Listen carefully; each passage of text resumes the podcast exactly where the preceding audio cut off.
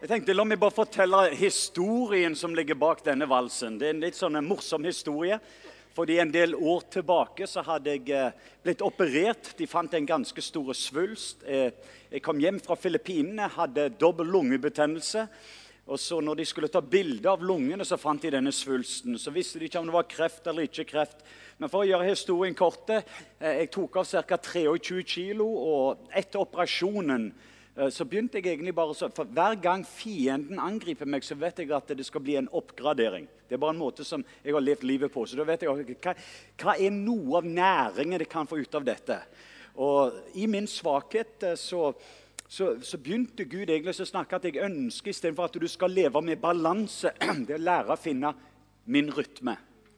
For himmelen har en rytme som vi skal lære egentlig å flyte i. Så eh, jeg visste ikke så veldig mye om valsen, men eh, Den hellige ånd var veldig, eh, veldig varsom i den perioden. og Ofte så bruker jeg bildet på Den hellige ånd som ei turteldue. Og Hvis det hadde kommet ei turteldue og landa på skulderen min Måten jeg hadde gått på, måten jeg hadde beveget meg på, hadde alt vært med en tanke på at jeg ville ikke gjøre noe for å forstyrre turteldua. Det var ei turteldue som kom ned på Jesus. Men den besøkte ikke bare Jesus, den ble værende der i de neste tre årene. Og når turteldua var der, så forandra atmosfæren seg. Altså, dette egentlig bare være var til Den hellige ånd. Derfor synes jeg det er et veldig flott bilde på denne turteldua. Og denne rytmen da, som man lærer å finne en rytme i livet. så eh, Jeg husker veldig godt Vi satt egentlig først med en åndelig far, en kirurg, en profet. Det var fire stykk i Florida rett etter operasjonen, og de skulle be for meg. Mens jeg satt der, så var jeg så svak at når jeg lente meg fram Bare for at de kunne høre ordene mine, og så lente jeg meg tilbake. Og så Dette skjedde flere ganger, men det de la merke til når jeg lente meg litt fram, så var det en salvelse som kom. Men når jeg lente meg tilbake, så var det ei vekt som kom inn på rommet. Den løfta seg når jeg lente meg fram, men så kom det en salvelse. Men jeg visste ikke om dette før både denne kirurgen og de andre, min åndelige far Jack Taylor og de andre forklarte om det. Og Så reiste jeg videre opp, og så skulle jeg i en stor trosmenighet og så ha et møte. Og så var det en av disse eh, fordi De introduserte meg og hadde alle disse titlene. De har flotte dresser, skjort, slips. Og det var en veldig sånn fin eh, trosmenighet i Ohio. Og når jeg skulle til å forkynne, så kjente jeg bare fordi de begynte med dette at jeg var doktor Leif Hetland, apostel og alle sånne svære titler. Og så, så var det akkurat på Gud bare å si at jeg vil at du skal bare legge deg ned. Hva tenkte jeg hvis jeg hadde gjort det på møtet? Men jeg var veldig var for Den hellige ånd, og jeg ville ikke gjøre noe for å såre Den hellige ånd. Og så var det akkurat bare en liten sånn Jeg vil du skal bare legge deg ned. Så jeg bare gikk og så la meg ned på gulvet og bare hvilte. Så når han hovedpastoren kom og skal introdusere i dag har vi Leif Hetland, og så bare ligger jeg der. Han ble litt sånn forstyrra av dette og prøvde å se på meg et par ganger. og så sa jeg, ja, men La oss få assistenten hans oppe. Hun kan fortelle litt om produktene. 10-15 minutter hadde gått, og folket, det var stor sal sånn som dette. så var det igjen, og Jeg må si det, jeg er ærlig at det, jeg følte meg ikke så veldig komfortabel. Jeg regner med at de kommer aldri til å invitere meg tilbake her. Og så til slutt, når hun var ferdig, så så de på meg, og så skulle han egentlig gå forbi meg. Han hadde brune sko, så jeg husker veldig godt han hovedpastoren. Han skulle gå forbi meg, og så kjente jeg bare, bare ta borti tåna på han. Så jeg bare lå på gulvet, og hele forsamlingen de, de sto og så på, så jeg bare lå der, tok borte i skoene hans, og bang!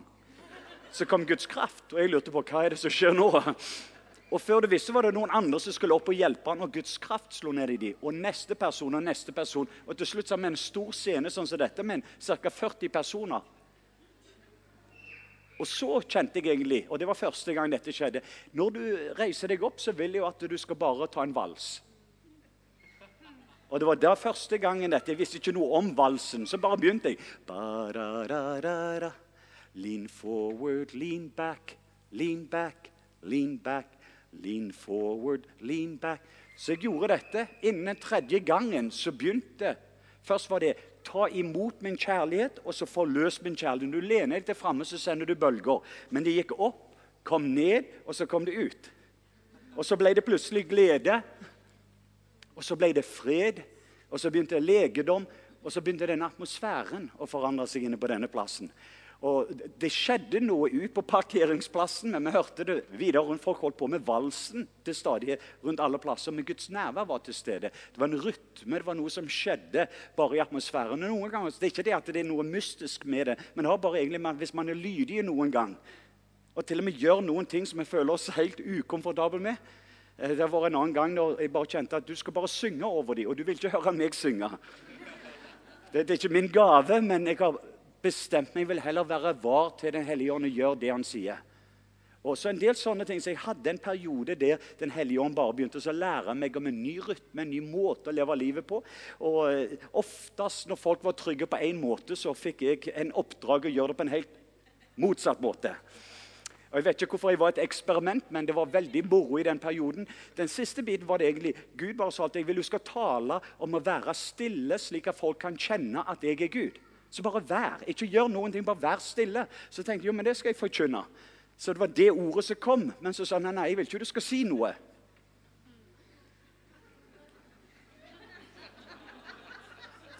Bare ett minutt er lang, men i over 20 minutter så sto jeg sånn. Og du kunne se Noen de var litt så rastløse. De sa Hva er det som foregår? Hva møter vi kommet inn på? Men 20 minutter etterpå så var det ei dame dette var i Wooster, Ohio, det husker jeg godt. Denne dama sto opp og så begynte hun å skrike og så begynte hun å springe opp og ned. Og Da hadde hun hatt ei sånn stålplate eller sånn titanium plate i foten med skruer. Og dette, Hun visste ikke hvor dette var og ble totalt helbreda og bare sprang rundt. Og så begynte Gud å komme. Ingen hadde gjort noen ting, det var bare i stillhet.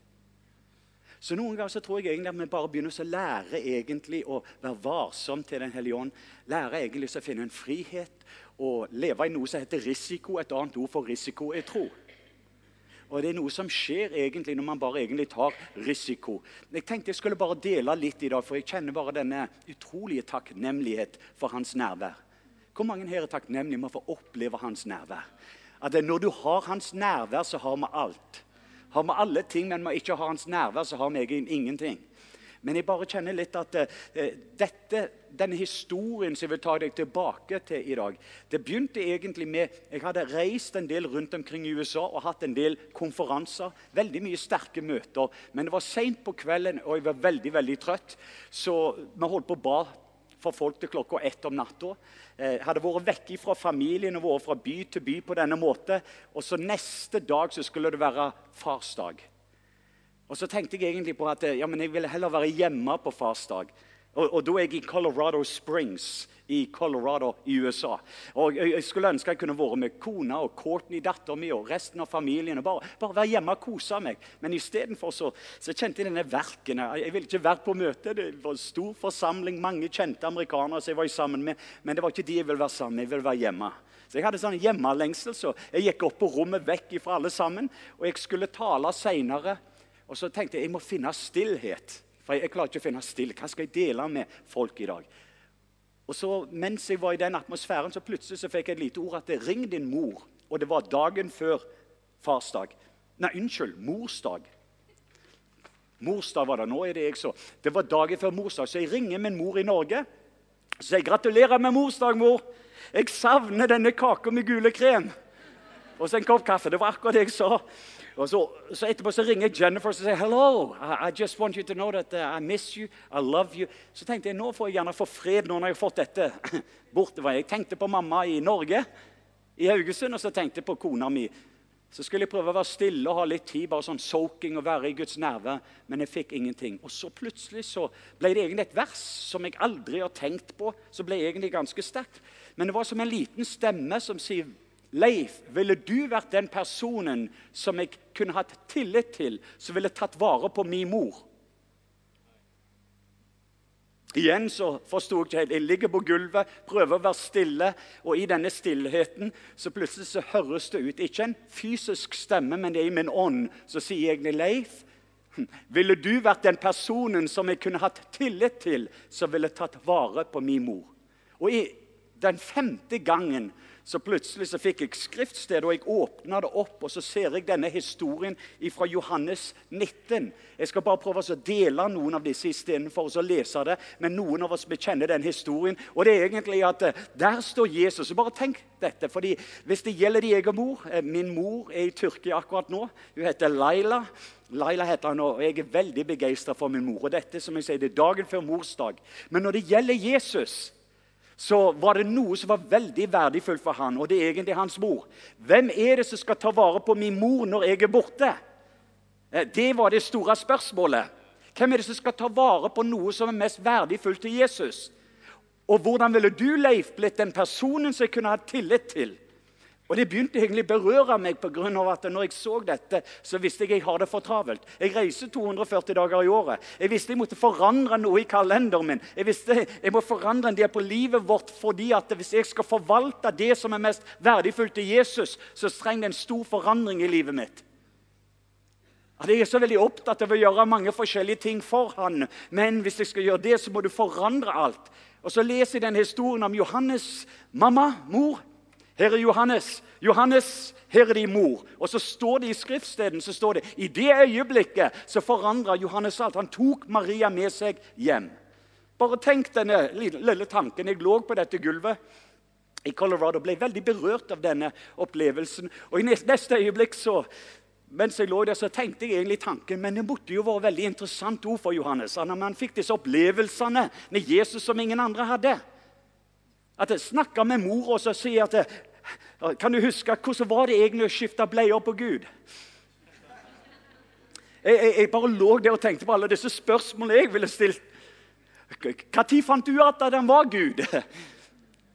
Eller kan du tenke deg når Jesus er tolv år gammel og kommer springende hjem og sier eller alle vennene som har vært til sammen og de har vært ute og spilt fotball, og vennene springer hjem og sier vi vil ikke leke med Jesus. Han vinner alltid.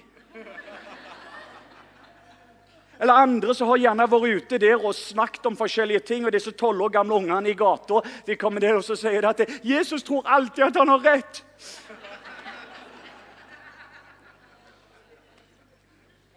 Så jeg sier at det, det, det, var, Men bare litt av humoren. Jeg lå der, og så plutselig nå så hadde jeg litt glede. Jeg lå på dette gulvet og bare prøvde å finne hvile.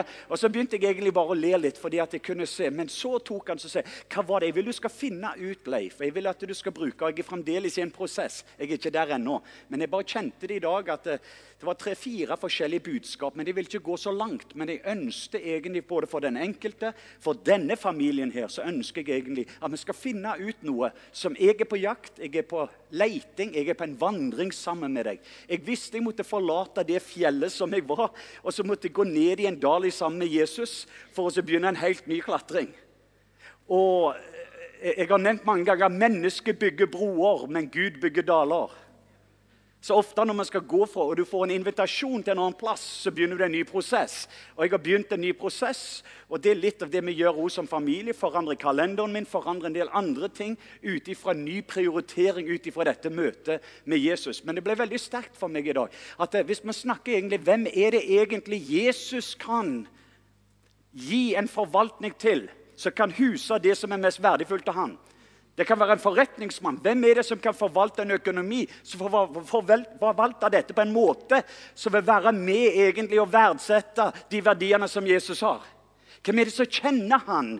Hva er det egentlig som gjør at når det som er mest verdifullt Når det gjaldt kraftgjerninger, så var det mange som fikk det. Til og med når det gjaldt Forklaringens berg, så var det flere som fikk opplevelsen. Så jeg begynte egentlig å se hva var det med denne karen Johannes. Og for å være ærlig med deg, så var ikke Johannes min helten før dette øyeblikket. Men etter dette øyeblikket så begynte jeg å se på Johannes sitt liv. Og så ville jeg lære noe med Johannes, for han fikk noe med Jesus. Og jeg er veldig fascinert av Jesus. Jeg vil gjerne ha mer av Jesus. Er det noen som vil ha mer av Jesus? Er det noen som egentlig ønsker egentlig å finne ut hva som ligger som nummer én på hjertet til Jesus? Og kunne være med å forvalte dette på en sånn måte? Og Dette begynte å bli en lengsel i mitt liv. Og Så begynte jeg egentlig å si at ok, nå vil jeg gjerne finne svaret. Hva var det med Johannes? Hvis du leser Matteusevangeliet, vil du aldri finne at Matteus sier at 'jeg er den som Jesus elsker'. Det finner du aldri i Matteus. Leser du Markusevangeliet, vil du aldri finne ut at Markus sier ja, men 'jeg er jo den som han elsker'. Lukas evangeliet, Doktor Lukas han sier aldri noe om seg sjøl. At 'jeg har en favør', eller 'jeg er den som han elsker'. Og jeg vet Dette liker vi veldig godt med janteloven. Du kommer til Johannes evangeliet, og Johannes sier om Johannes fem ganger 'Jeg er favoritten'. Fem ganger så skriver han at det er den disippelen som Jesus elsker.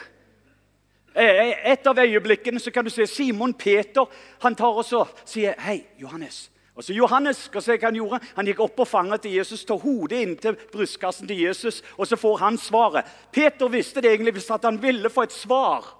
På spørsmålet så spør han Johannes. For Johannes hadde en plass med Jesus, at han kunne kjenne hjertebanken til Jesus. Han visste hva som lå på Jesus sitt hjerte, og Jesus ville åpenbare enkelte ting.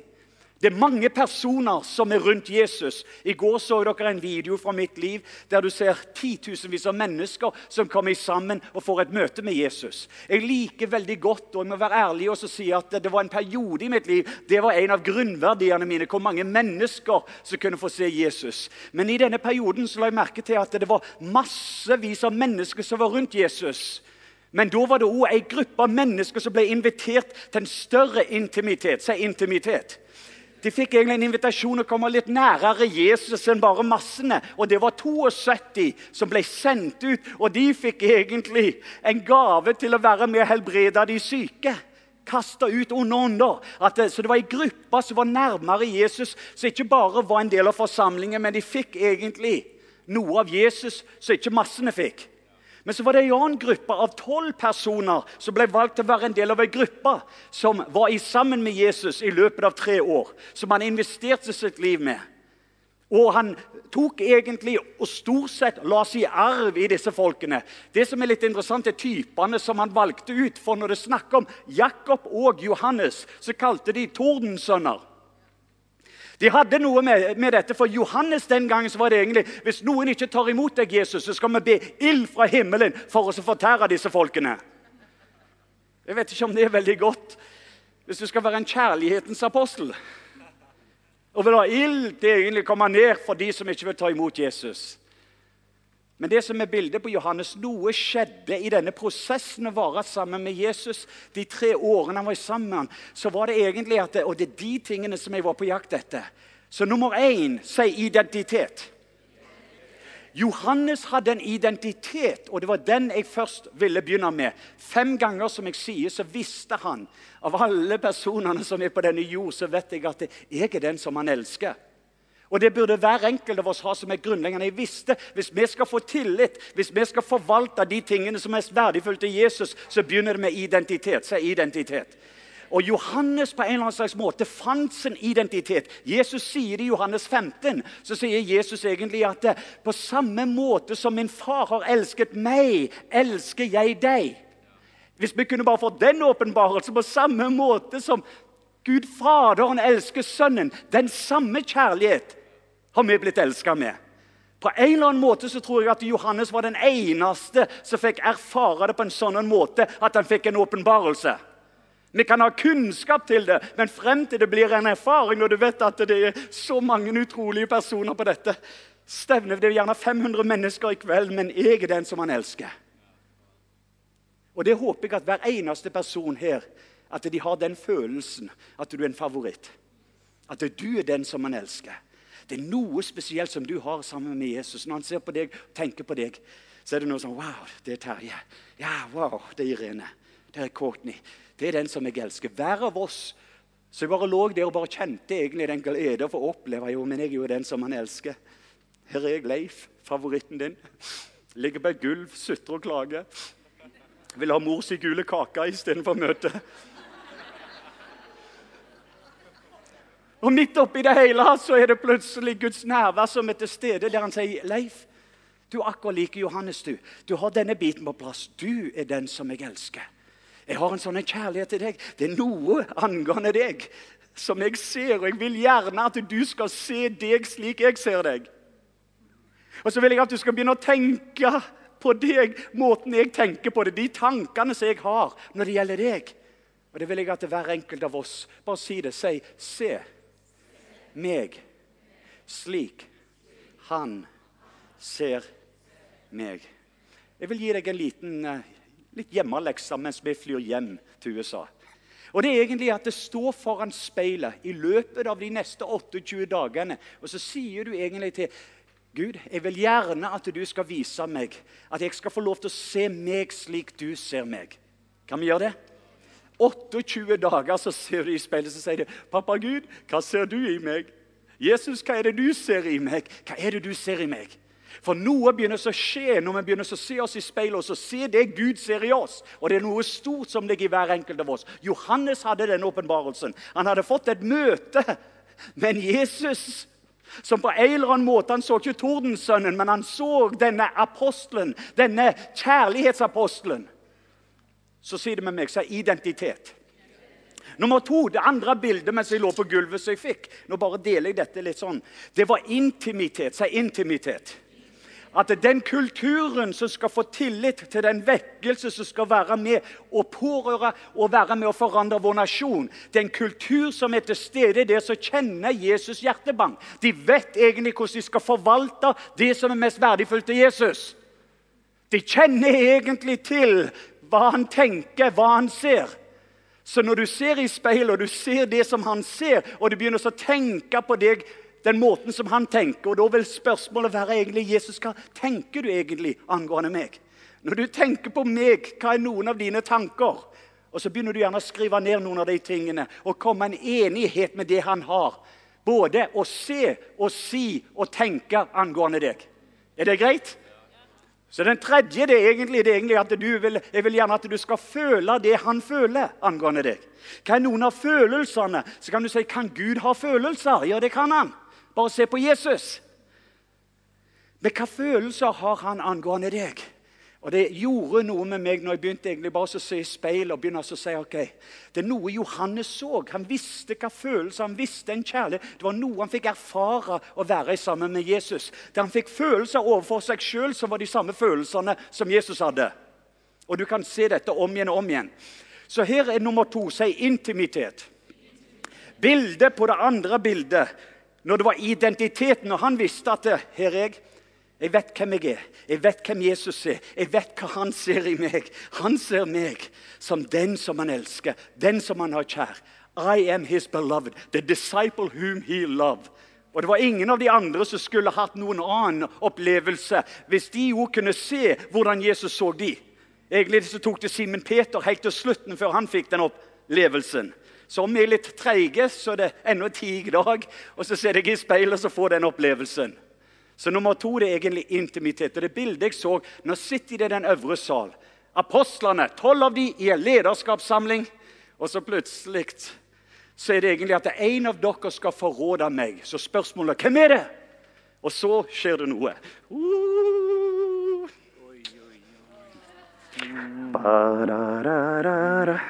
Bam, bam. Der hopper han opp på fanget. Der det står at he leaned into the bosom. Johannes i denne situasjonen med apostolsk lederskapssamling. Jeg vet Dere hadde generalforsamling. Jeg vet ikke om du gjorde det, Martin. med. Men det var det han gjorde. Johannes på en eller annen måte Spørsmålet der, det han gjør, det han tar hodet Det står at he leaned. Han lente seg inn til brystkassen til Jesus og fikk svar. Det var noe med intimitet som han hadde, som de andre ikke var så veldig trygge på. Og Det jeg sier, det som har med åndelig modenhet ikke hvor mye du kan, men hvor trygg er du på kjærlighet. La meg si det en gang til. Åndelig modenhet er ikke hvor mye du kan, men hvor trygg er du på kjærlighet. For hvor trygg du er på kjærlighet, det er hvor trygg du er på Gud, av Gud er kjærlighet. 1. Johannes 4, 16. Så når du egentlig begynner å bli trygge på kjærlighet Johannes var veldig trygge på kjærlighet. Han visste hvem Jesus var, men han visste også nå, etter å være sammen med Jesus, så visste han egentlig at det var noe han hadde sammen med Jesus. Og ut ifra intimitet. Barna våre forstår dette. At Noen ganger så har jeg opplevd at mine barn bare kommer til meg, og så tenker jeg egentlig hva vil de nå? Ja, de regner med hva, eh, Skal vi kjøpe et par sko, eller hva er det egentlig de vil ha? Men det var ingen agenda. Og etterpå alt det du kan gjøre, si skal vi gå ut og handle? At Det er utrolig hva barn kan få til hvis at de bruker tid med mor og far og bare viser litt kjærlighet og sier uh, 'Du er den beste pappaen i hele verden.' Når jentene mine sier det, så sier jeg 'Hei, skal vi ut og handle litt?' Det skal ikke så mye til. Jeg bare gir dere noen hemmeligheter. Jeg har tre døtre og en sønn. Så det er kunnskapsord. Så nummer to og det andre bildet var intimitet. Nummer tre Og det er egentlig et fellesskap med Kristi lidelse. Hvis du skal få tillit til de tingene som er mest verdifulle til Gud, så ligger det noe som Johannes hadde, som ingen hadde. Som jeg nevnte, Det var masser rundt Jesus. Det var 72 som fikk tegn under mirakler. Det var 12 som fikk oppleve et fellesskap, et intimitet å bli åndelige sønner av Jesus. Og fikk være med i et familieforhold til han, og fikk tillit til å ta den arven som han hadde, og være med senere. Og så bære det videre. Men det var tre personer. Si tre. Og det var tre som fikk oppleve forklaringens berg. Når Lasarus ble reist fra de døde, så var det ikke alle tolv som fikk være med. Tre fikk være med. Og Johannes var blant de tre. Men det jeg vil at du skal vite, Johannes hadde én plass. Alle de tingene Johannes opplevde, så ingen av de andre fikk oppleve. Og Jeg begynte å lese om en del av disse tingene, og da sa jeg jeg vil gjerne finne en nøkkel som Johannes hadde. Og så vil jeg gjerne være med å reise opp en kultur av personer, av menigheter, av forretninger, av folk når det gjelder nasjoner og forskjellige ting som man skal gjøre i Pakistan. Det Jesus er opptatt av. Han kan gjøre det sjøl, men han lengter til personer lignende Johannes, som på en eller annen måte de vet hvem de er. De vet hvor høyt de er blitt elska. De vet hvem Jesus er. Det er ikke bare at de har tro på Jesus, men de vet at Jesus har tro på deg. Jeg vet ikke om du fikk den med deg. Så, så der ligger det som, men Da ser jeg Johannes, og det fikk tårer. Husker jeg ligger på et gulv og bare mediterer og begynner å reise sammen med Jesus. Men nå er bildet av korset. Hvor er resten av disiplene? Når en av de mest brutale opplevelser som jeg har sett, det tok meg tilbake etter to forskjellige bilder. Det ene det var egentlig i India under Jesus-filmen. Den ene hindu sprang opp under Jesusfilmen, slo på lerretet. Og så sier han, 'Jesus, Jesus, kom ned fra det korset! Jeg er den som skulle henge på korset!' 'Du er uskyldige! Jeg er skyldige!' Og denne hinduen han bare Og så tok meg til Mel Gibsons kjente film 'Passion'. Korsfestelsesbildet. Det var gjerne et av de mest brutale bildene som på en måte farga for meg realiteten. Men midt oppi alt dette så kan jeg se Johannes. Johannes står og sier det er hans beste venn. Det er han som forandrer livet hans til den som jeg har elska. Hvor er resten av disiplene? Den eneste som beskriver som var der når det var vanskelig, når det var tungt. Og Det er folk av oss vi går gjennom tunge stunder. Det er vanskeligheter, det er operasjoner, det er ting jeg ikke kan forklare. Det er ganger jeg lever mer med mysterier enn jeg gjør med mirakler. Jeg kan ikke forklare det. Min beste venn med fjerdegradskreft. Vi ser ingenting, og vi kjemper en kamp hver dag. Mens, og Det er den nærmeste personen. Det er akkurat Jonathan er med David i mitt liv. Og vår familie står med Tad. Men samtidig så fikk jeg nettopp inn to brev fra Colombia South Carolina. Fjerdegradskreft, den samme kreft som ble totalt helbreda. Jeg er veldig takknemlig for de to som ble helbreda. Men samtidig så lever jeg med mysteriet og fortsetter å vite at han er god. Gud er god fortsette å leve med mysteriet der jeg kan ikke forklare hva som foregår, hva som skjer. Men jeg stoler på han. Jeg har en tillit til deg. Du vet hva du gjør. Jeg vet ikke hvorfor Noen ganger har jeg ikke hatt tro, og noen har blitt helbredet. Andre ganger har jeg hatt tro, og de har dødd. Jeg lever mysteriet. Og Johannes lever med mysteriet når han står og ser på korset, og når han ser sin beste venn, og han ser at en Barablas blir satt fri, terroristen blir satt fri, men han som er uskyldige, når de tar han opp på et kors. Men Johannes står der. Og Jeg sto der med Johannes og jeg så bildet av denne korsfestelsen. Og Nå ligger jeg på et gulv i Colorado og gråter. Jeg får en påvirke. Er du villig, Leif, å ta opp korset og følge meg? Er du villig når ting er vanskelig og så tungt, og fremdeles være sammen med andre? De, da finner de på andre ting. Og Det neste bildet jeg fikk, det var jo oppstandelsen. Utenom kvinner, så alle dere damer bare vink til meg. Smil, alle damene. Flott. La meg bare si noe om damene. at De som gjerne sliter med at damer skal forkynne og tale La meg bare gi litt teologisk. Den første personen som fikk et kall til å forkynne evangeliet, var ei dame. Og hennes budskap var til menn. Den første personen som fikk bevitne oppstandelsen, var ei dame. Og hun gikk og fortalte det til apostler. Den gode nyheten at Jesus lever. Og tenk på det. Så her ser du et veldig flott bilde, men Johannes var der ved oppstandelsen. Og Så gikk jeg denne reisen videre med Johannes helt til det kommer til dette punktet. Var, jeg, jeg, går over noen av disse punktene, men avslutningen er denne forvaltningen, og der står mora. Og Jesus ser på Johannes, og han ser på sin mor. Og Da kan jeg tenke meg 33 år. Hvem er det som skal ta vare på henne? Han ser på Johannes, han vet at når han går bort, så er det noen som vil forvalte hans hjerte. Forvalte og ta vare på henne på samme måte som han ville gjort. Og det var en Johannes. Hvorfor? Fordi han vet hvem Jesus er, og han vet hvem han sjøl er. Han vet hvor høyt Jesus elsker han. Derfor står det fem ganger i sitt eget evangelie, inspirert av Den hellige ånd, at jeg er den som han elsker. Og Jeg vil at du skal bare stå og se i speilet helt fram til at det blir din identitet. At 7,3 milliarder mennesker på denne jord Jeg bryr meg ikke om janteloven. Jeg sier det til deg at du er den som er hans favoritt. Han elsker deg, og det er noe spesielt med deg. Hvis du kan se det han ser, så vil det forandre noe i måten du ser på alle andre personer, inkludert muslimene rundt i verden.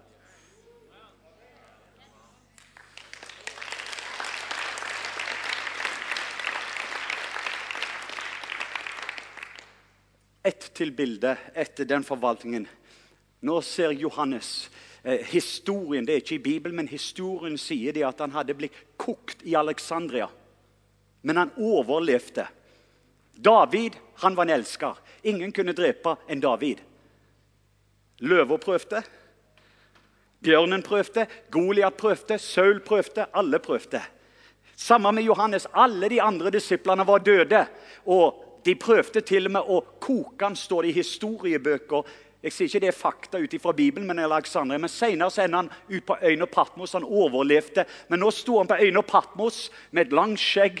Han står og ser utover himmelen. Og så begynner han å tenke og reflektere. Han ser seg tilbake på den elskeren som han har hatt. Nå som en gammel mann så står han og reflekterer og ser opp igjen mot himmelen. Og så begynner han å tenke på den dagen da Jesus kom inn i hans liv og inviterte han å følge meg, så skal jeg gjøre deg som en fisker mann. Og så plutselig ser han jeg var en tordensønn. Jeg var sint, jeg hadde mange forskjellige problemer og frustrasjoner. og andre ting. Men så møtte jeg Jesus. Han gjorde noe med meg. Det var ikke bare det at Den måten han elska meg på, så begynte jeg også å elske meg sjøl på samme måte som han gjorde det. Og Nå begynte jeg egentlig å få den samme kjærlighet til personer. Noe skjedde i livet mitt når jeg fikk dette møtet med Jesus. Og det ble en sånn berøring på meg når jeg så at Johannes hadde denne biten. Men nå står han som en gammel mann og glemmer ikke han har alle disse minnesteinene. Og så husker han han sitter der, det korsopplevelsen, og når han så hva de gjorde på korset mot ham. Han ville så gjerne ta plassen til Jesus, og han sto der og bare verka. Hvis jeg kunne vært den som hadde vært på korset. Men isteden tok Jesus plassen. Så så han egentlig Jesus i oppstandelsen. Han så både den forherliggjorte Jesus og noe skjedde med han. Og Så fikk han denne oppdraget, det å forandre sin apostolske kalender med å gjøre en oppgave som ingen andre hadde fått. Det egentlig åpna hjemmet sitt. Kansellere alle kampanjene og møtene og alt dette for å si at jeg skal forvalte det som er mest verdifullt for deg. Og Det får han fram sånn. Står du på øyne og Patmos, ser opp mot himmelen. Og denne gangen så har du kongenes konge og herrenes herre. Nå har du han som styrer et univers. Nå har du han Jesus. Han som hver kne skal bøyes og hver tunge skal bekjenne at Jesus er herre. Den Jesus nå kommer på denne øyen og Patmos, møter Johannes, åpner opp og gir han fremtiden av ting som kommer til å komme. Det er et utrolig bilde, det er en utrolig tilbedelse. Og så åpner du opp med det vi kaller det apokalyptikk, denne eh, Johannes-åpenbarelsen, som egentlig er en åpenbarelse av Jesus, av de tingene som kommer til å komme. Og da er det egentlig de som Få sin identitet, intimitet, fellesskap av min lidelse. For å oppleve en oppstandelsesliv som vil forvalte det som er mest verdifullt. De vil også få et bilde av de tingene som kan komme, og de vil forvalte den fremtid som vi går inn i, og kunne se den klar og være med egentlig, og få tillit til å være med og forvalte, som jeg tror kommer til å bli en vekkelse som kommer til å berøre alle områdene i vårt samfunn. Jeg vet ikke hvordan det er med deg. Men for meg så har det vært en utfordring. Jeg ønsker ikke å være blant massene som bare kommer på et møte.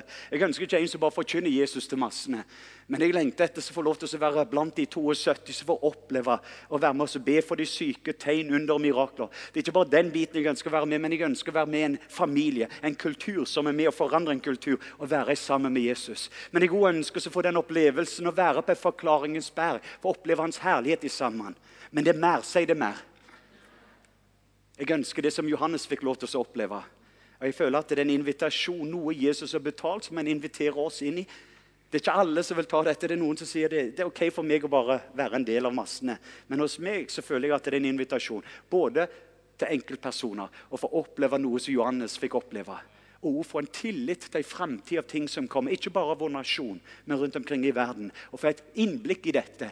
Våkne opp hver eneste morgen fordi at du har sett ei perle som er så vakker at ingen andre ting har en betydning. Matteus 13. At himmelriket er som den som har funnet ei perle. Og når han ser denne perla, så er hun så vakker at han selger alt det han eier for å kjøpe denne perla. Eller himmelriket er som en skatt som egentlig blir gjemt i ei jord. Da den ene personen finner om, finner om denne skatten, og Jesus er den skatten, så selger han alt han eier for å kjøpe hele jorda for å få tak i denne skatten. Himmelriket, Guds rike, det er noe som hvis man ser det, så vil du søke det. Når du søker først Guds rike, himmelriket, så vil alle disse andre tingene bli gitt deg. Så jeg vet at det budskapet i kveld det er egentlig bare en invitasjon for en intimitet, for en identitet, for et liv som inkluderer kors, men òg en oppstandelse. Som går på en forvaltning av ting som er verdifullt til den som vi vandrer sammen med på en daglig basis, slik at vi kan få tillit til en del ting som kommer til å komme, ikke bare i vår nasjon, men rundt i verden, slik at vi kan ha en løsning, en Jesus-løsning på de problemene som foregår. La oss stå opp. Går det greit med dere? Er jeg den eneste som har en lengsel etter dette, eller er det noen i Norge? Er det noen i Norge? Ok, det er flott. Det var godt. Er det noen menigheter som ønsker å være med å forvalte noe av det som er mest verdifullt i Jesus? Er det noen av oss egentlig ønsker, okay, Hvis du er kalt til å drive en bedrift, eller du er en ingeniør på Statoil, er det ting som han kan dele med deg, så du kan forvalte, slik at du vet hvem du er? Og du vil også se hva mennesker er ut ifra dette. Bare åpne opp eh, hendene dine. Far, jeg bare takker deg at du er en god pappa, du er en god Gud. og så er det så fantastisk å vite at eh, wow, når du ser hver enkelt av oss, så, så er det noe veldig, veldig verdifullt. At du, far, hadde en drøm, men din sønn Jesus fra evighetens fortid, han hadde en visjon. Og Hans visjon det var egentlig at fars drøm skulle bli oppfylt. Far sendte sin enbårne sønn, men sønnen var villig til å gå. Sønnen forlot himmelen, kom ned her på jord, ble menneske og bodde iblant oss.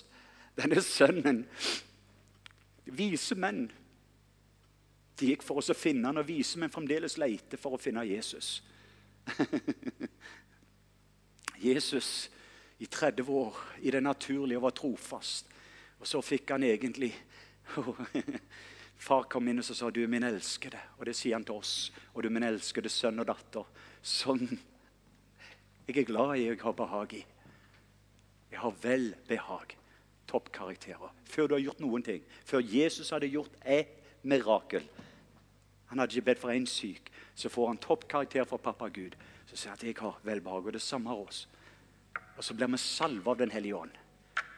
Og så får vi bli ledet inn og bli prøvd på forskjellige områder. Og så kommer vi ut ifra det full av Den hellige ånd. Og så begynner vi en vandring. Nå takker jeg deg at eh, Og nå vil du bare skal si det med meg. Si 'Jeg ønsker å se'. Se meg. Se mitt liv slik du ser meg. Nå vil jeg du skal ta risikoen og bryte litt jantelov med meg og så si 'Jeg er den som han elsker'. Jeg er den som han elsker. Si det på bokmål, da. 'Jeg er den som han elsker'. Bare føl det. Det skjer noe når du begynner å bekjenne. Han sier på samme måte som min far har elsket meg, elsker jeg deg. Men perfekt kjærlighet. Du er en favoritt. Noe forandra seg i mitt liv den dagen jeg fikk denne utrolige åpenbarelsen. At wow! Jeg er den som han elsker. Og du er òg en av de som han elsker. Så skjer det noe når vi får en intimitet, når vi får lov til å være sammen. Den som er sammen med, det er den man blir lik. Og det tredje er egentlig når ting er vondt og vanskelig, når jeg står med spørsmålet, når vi står foran egentlig et kors i vårt eget liv, og vi vet ikke hva man skal gjøre, så er det egentlig å holde øynene på Jesus, og til og med under tårene mange ganger, og så sier jeg til Jesus du er svaret om jeg sitter med spørsmålet. Jeg vet ikke hva jeg skal gjøre, men jeg har ingen annen plass jeg skal gå. Jeg skal være sammen med deg. Og etter vintersesongen så kommer våren. Etter solnedgangen så kommer det en soloppgang. Etter vanskeligheten og de mørke stundene dine så kommer lyset igjennom. Det er en oppstandelse etterpå, en oppstandelsesliv. Nå bare forløser jeg over hver enkelt av oss. At du kan komme til hver enkelt av oss der du har kalt oss å være. Om det er et ungdomsarbeid, om det er innvandrerne i Stavanger. Uansett hva du legger på våre hjerter, at vi har denne identiteten, vi har denne intimiteten, vi har den villigheten å følge deg, Jesus. Uansett hvor vi går. Og så skal vi få lov til å forvalte det som er mest verdifullt til deg, for oss. Og så skal vi også få tillit til de tingene som kommer. Fremtiden. Og vi kan ha en trygghet i fremtiden av de tingene som kommer. Og Jeg takker deg for de gode planene du har for oss. Jeg takker deg for de planene du har for Norge. Og Jeg bare kjenner egentlig en invitasjon der vi skal òg stille spørsmål i denne framtida. Gud, hva ser du i Norge? Gud, hva ser du i vårt land? Gud, hva ser du i Stavanger? Hva ser du? Når du ser på Norge, hva ser du, Gud? Og Jeg vil gjerne se det du, Gud, ser, og da være med på det som du gjør, Gud. Wow! Kom, Hellige Ånd. Dette har mer med en stille innvielse å gjøre. Dette har mer med et liv, en vandring. Som jeg sier, jeg er der ennå. Jeg er i en prosess, men jeg vil invitere deg inn på en vandring sammen med han. Den som får den biten som Johannes hadde, de får forklaringens berg. De får oppleve det de tolv fikk oppleve. De får det som de 72. Og de fikk også være med og se massene. Så whoever gets the picture of the sun, gets everything. Den som får bilde av Sønnen, den som får det riktige bildet av Jesus, den får alt. Søk først Guds rike og hans rettferdighet. Så skal alle disse andre tingene bli lagt i tillegg. I Jesu navn. Amen.